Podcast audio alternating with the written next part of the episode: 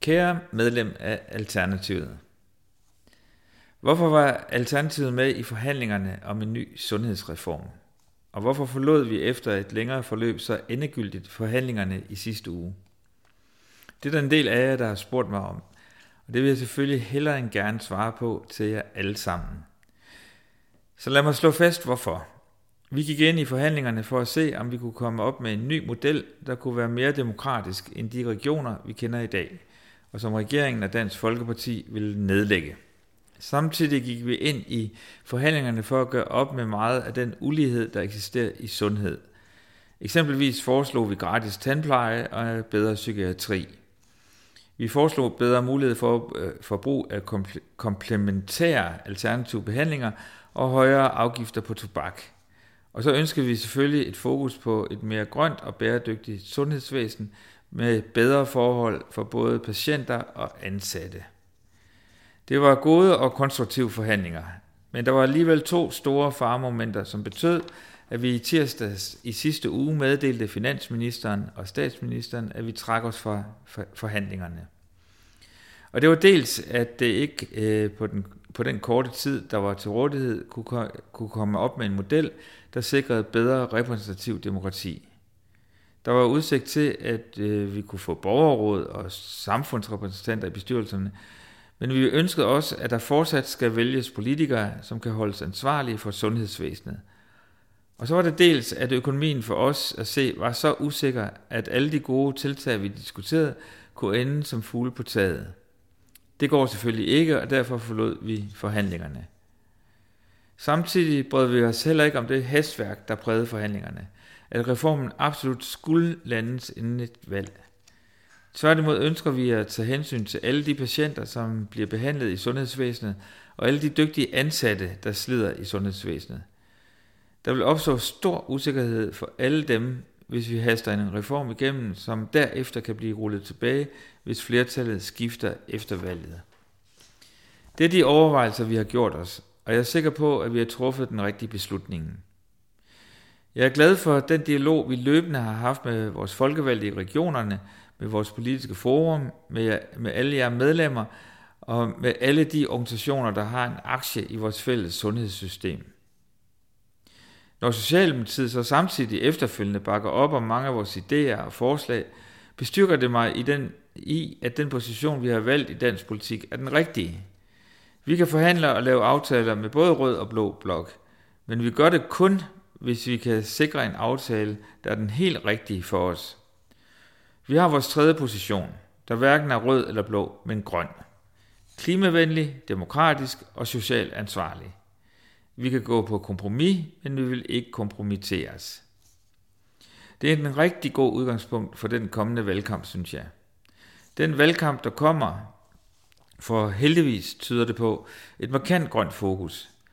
Forleden dag deltog jeg i debatten på DR2, hvor temaet var miljø og klima.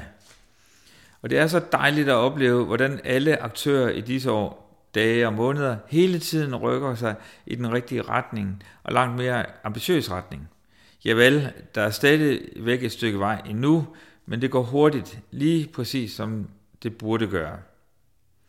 Derfor er jeg også spændt på at se, hvor mange der strækker, når der på fredag holdes klima- og skolestrækker rundt omkring i hele landet. På, på global plan er der, så vidt jeg ved, klimastrækker på samtlige kontinenter og i omkring 60 lande. Og herhjemme er der strækker i omkring 30 byer.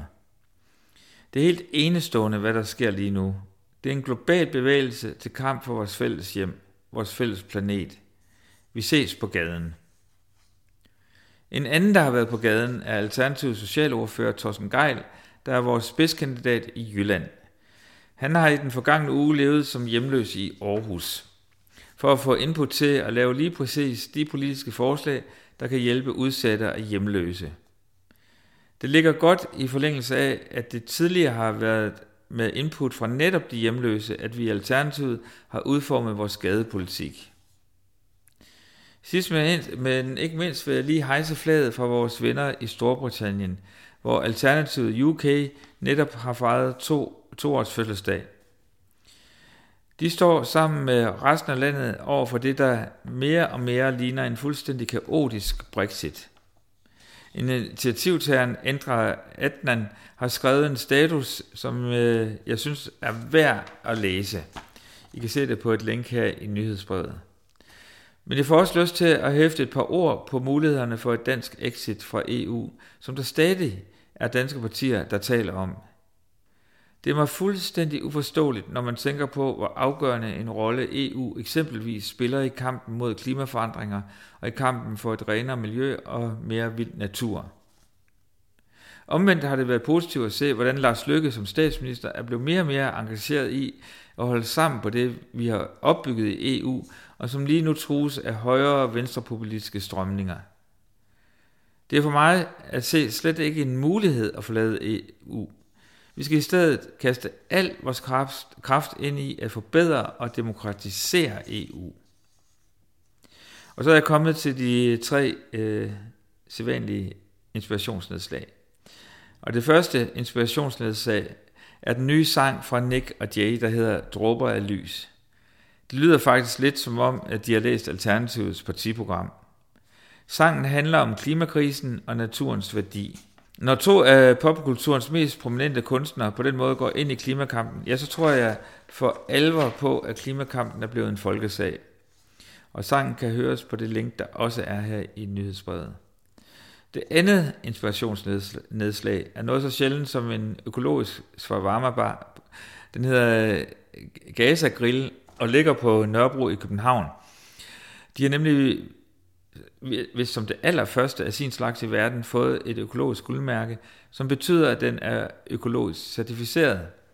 Økologien er blevet, øh, bliver ved med at vinde frem. Det er til at blive rigtig forårsglad over, synes jeg. Sidst men ikke mindst vil jeg opfordre jer til at bruge jeres demokratiske autoritet og hjælpe endnu et af de nye partier, der er skudt frem i de senere år. Jeg har tidligere opfordret til at skrive under til fordel for Nationalpartiet og Feministisk Initiativ, men jeg vil gøre det samme for Veganerpartiet, der lige nu samler underskrifter for at blive opstillingsparat. Og igen er der et link her i øh, nyhedsbrevet. Og øh, så har jeg bare lyst til lige at sige, have en øh, rigtig god uge derude, uh, og jeg glæder mig allerede til at skrive et nyt nyhedsbrev til jer.